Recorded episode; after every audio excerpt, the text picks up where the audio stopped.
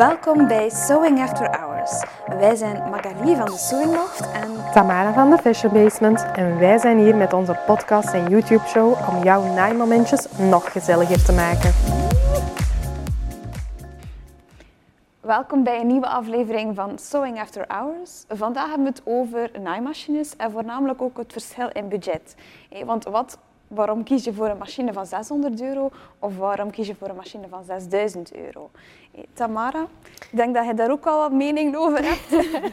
Ja, ja, ja, absoluut. Er zijn zoveel verschillen en je kunt al een naaimachine kopen voor 100 euro eh, in zo'n actie ergens, heel basic instapmachine. Ehm, maar je kunt even een naaimachine kopen van 11.000 euro. Ja? Eh, ja, daar zit natuurlijk wel wat verschil in. En heel veel beginnende naaisters weten niet goed waarop te letten. Of waar zit nu dat verschil juist in? Of wat moet ik nu juist kiezen? Waar heb ik nood aan? Ja. En eh, ja, ik denk dat we allebei met een eh, meer budgetvriendelijk instapmodelletje begonnen zijn. Ja. Ehm, ja, die ervaringen, dat is eh, niet altijd even goed. Ik weet, Nayali, je hebt daar een heel leuk verhaal over. Mijn eerste naaimachine was eentje van, van een tweedehands krantje dat ik gezien had. En eh, dat was met geld van mijn grootmoeder dat ik gekregen had voor kerst. Dus ik weet dat we daar ook wat gelijklopend in zijn. En ehm, achteraf gebleken was dat een machine van de Carrefour. Niks mis mee, maar dat zijn echt zo die basis instapmodelletjes. Je voelt dat ook, dat voelt wat plastiek gaan. En ik dacht, ja, maar ja, naaien ga ik dat wel leuk vinden. Ik wil eigenlijk alleen maar een broek kunnen inleggen en een kussentje maken en daarmee gaat stoppen.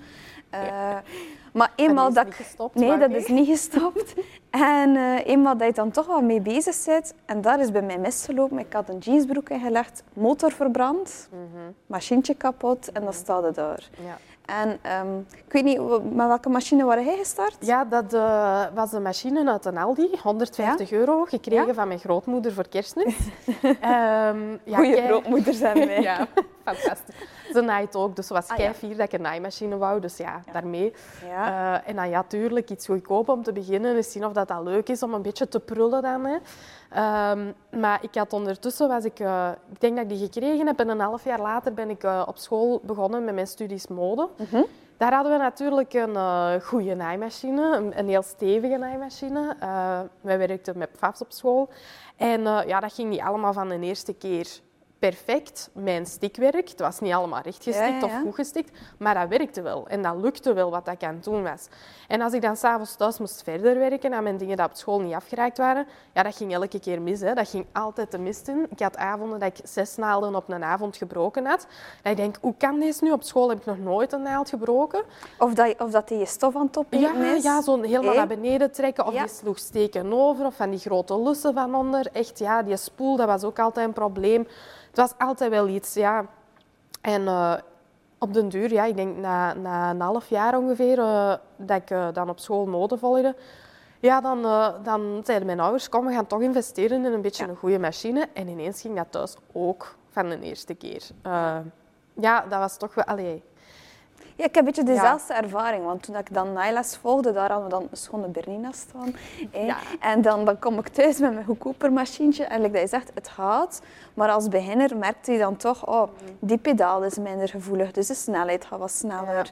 Eh, je kunt minder precies werken in de hoekjes. Ehm, dat is niet zo stabiel, hè.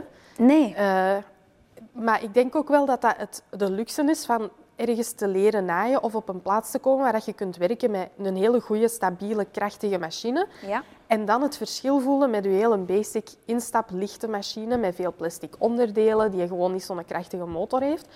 En dan merkte dat verschil natuurlijk heel goed. Want als je eerst een naaimachine gaat kopen en je hebt nog nooit genaaid, dan die keuze maken is heel anders. Er zijn altijd heel veel mensen die ook zeggen van ah, ik heb al jaren zo een singertje van 150 euro en eh, dat gaat goed. Ik heb daar geen enkel probleem mee. Ja. En ik begrijp dat ook wel, want als dat voor eh u uw eerste machine is, de enige waarmee dat je gewerkt hebt, en je moet niet zware dingen doen en dat is echt hobbygebruik, lichte dingen, dan kan dat ook wel werken. ja, maar moet je- even goed, lichte dingen, hé, eh, ga je daar een viscose mee gaan steken Ja, of ja. een chiffon, Ja, dan ja. trekt die machine eigenlijk door zijn, zijn brutigheid, omdat die niet zo fijn is afgesteld, trekt die ook als het ware bijna je, je stof kapot. Ja, ja, ja. Een mooie zijde zou ik er zeker niet onder Nee. leggen. Dat zou ik ook zeker niet beginnen. Misschien een bruidzijde, dat heeft nog een beetje body, maar Ja. eh, nee, nee, dat is, dat is inderdaad... Ik weet ook dat ik bijvoorbeeld... eh, we waren op school een vest aan het maken en we moesten die voeren. En met mijn voering had ik heel veel last. Ja. Mijn stof op zich, dat ging nog, want ja, dat is heel gemiddeld. En al die gemiddelde stofjes, tot daar nog aan toe. Maar als je een beetje ofwel zwaar ofwel fijngevoelig gaat, die fijngevoeligheid zit daar niet in. Hè? Zit daar niet in. Nee. Nee. Ik vind ook wel, gelijk als, er is heel veel verschil tussen die mechanische en die computergestuurde machines. Vind jij dat ook?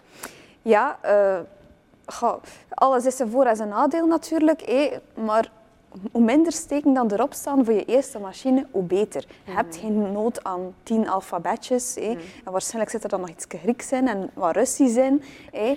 Eh, je gaat dat toch nooit gebruiken. Hetzelfde ook al die, die siersteken met een nottootje en een bloemetje. Dat is allemaal mooi. En je laat je daartoe een beetje verleiden. hé, want oh, hij heeft zoveel steken, mijn machine. Maar als je een goede een goede rechte steek hebt, een goede zigzagsteek hebt. En liefst dan al een automatisch knoopsgat, hé, dat je dat niet meer manueel moet doen. Ja. Ja, dan zit je toch al met een heel goede machine. Ja, ja, en ik denk ook bijvoorbeeld, er zijn wel mensen die daar effectief gebruik van maken, die siersteken, maar dat is de minderheid. Hè. En ook Ja. bijvoorbeeld zo'n patchwork doen en, en eh, Ja. zo'n dingen, ja, dan ga je meer die siersteken gebruiken. Maar voor kleding te maken of voor wat tassen en wat accessoires, ga je dat nooit niet gebruiken. En.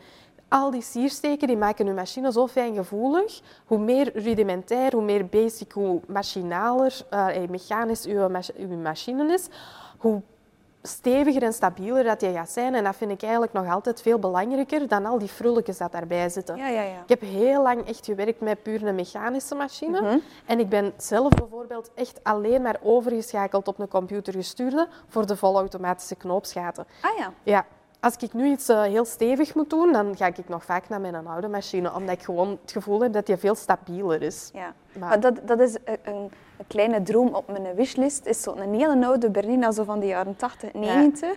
Dat zijn echte werkparen. Ja. hé. Die, zijn, die zijn echt zo mega zwaar. hé. 1005 denk ik dat dat is. dat zijn er goed, hè? Ja. Want die nieuwe versie, die 1008, die zijn ook goed, maar daar zit zo'n stretchsteek op. En van het moment dat er een stretchsteek is, dan begint dat al, hè? Ja. Dat zijn meer opties. Je hebt dan zo Ja. dat, dat groen en die rode optie voor je steekselectie. Nee. Ja, oké. Dus die staat ook op je lijstje. Nee, maar dat is eigenlijk... Ik ben, een, ik ben echt een pfaff-aanhanger, hè? Ah ja. Dus meestal zijn ze zo team Pfaff of team Bernina. Wow. ik ben gestart met de PAF, maar ik zei dat was een goedkoop machientje. En Ja, eigenlijk ja. al bij al vond ik dat wel niet waar dat die verbrand is geweest, die Ja, motor. hé. Maar anders qua, qua hendel vond ik dat wel een hele leuke Ja. machine. Maar dat is ook wel het ding. Je hebt daar natuurlijk ook zo de budgetversies in en dan de duurdere versies. Maar wat dat voor mij bijvoorbeeld heel belangrijk is, eh, bij een PFAF krijg je die een eh, persvoet veel hoger dan bij een Bernina. Dat is voor mij heel belangrijk. Ja, ja, ja. En eh, wat ik ook wel een heel groot voordeel ma- vind, maar ja, dat is natuurlijk heel persoonlijk. Hè. Bij die PFAF zit dat IDT ingebouwd, je boventransport. En bij Ja. Bernina moet je dan een boventransportvoet erop zetten. Ja. En dat vind ik soms wat onhandig werken. Maar dat is ook, denk ik, voor een groot stuk wat dat je gewend bent. En dat zijn ook maar twee merken, hè, want er zijn nog zoveel goede Ja, merken ja, ja, en hogere klasses. En ik heb daar straks ook gezegd, ah, zo'n Singerke van 150 euro. Maar evengoed, Singer heeft ook de betere machines. Hè.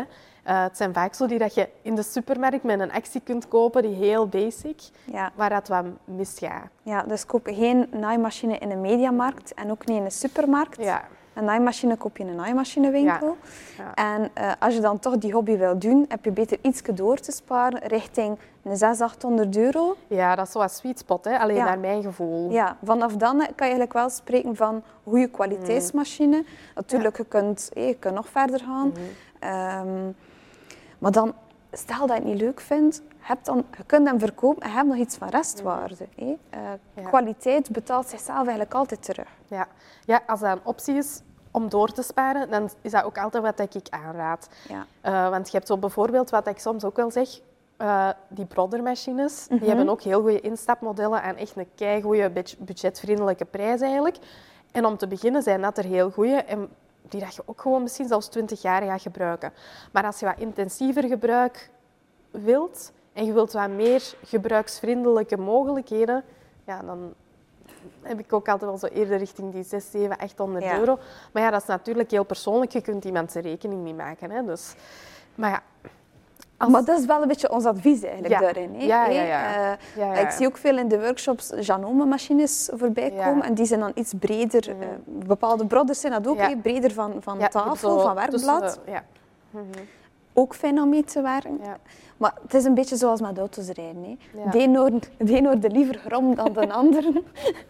en dat is dan met die machines ook. De ene pedaal is wat gevoeliger ook, of de andere.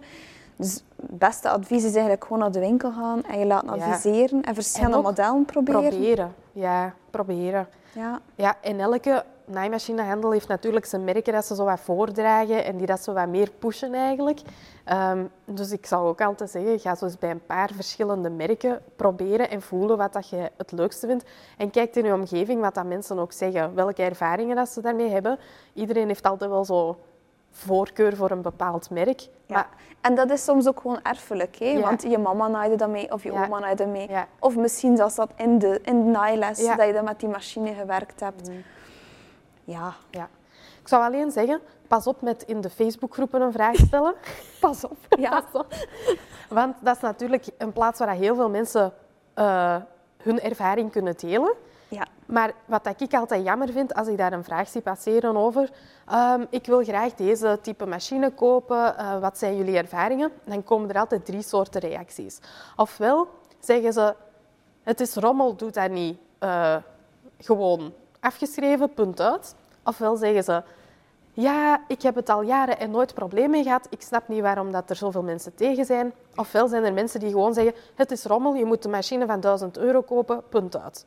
Ja. En dat vind ik altijd zo jammer, want dan weet je niet waarom dat die mensen dat zeggen. Waarom Nee. hebben bepaalde mensen die mening? Want ja, sommigen hebben dat al jaren, gelijk dat we zeggen, nooit probleem mee, maar als dat voor uw gebruik voldoende is, keigoed. ja. Als je iets beter gewend bent, ja, dan wil je niet meer terug. Dat is gewoon zo, maar dat is met alles zo. Maar als je het niet gewend bent, kun je het ook niet missen. Dus misschien is het voor u wel oké.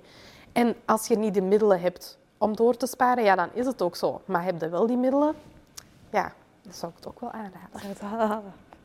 Voilà, op deze noot denk ik dat we toch eigenlijk al best wel wat eh, advies hebben gegeven over naaimachines en eh, een beetje wat dat onze ervaringen daarmee zijn. En dan, eh, dan zien we jullie terug voor een nieuwe aflevering. Bedankt om te luisteren of om te kijken. Weet, wij zijn er elke woensdag opnieuw met een nieuwe aflevering, dus... Abonneer je zeker op onze podcast en ons YouTube-kanaal als je geen enkele nieuwe aflevering wil missen.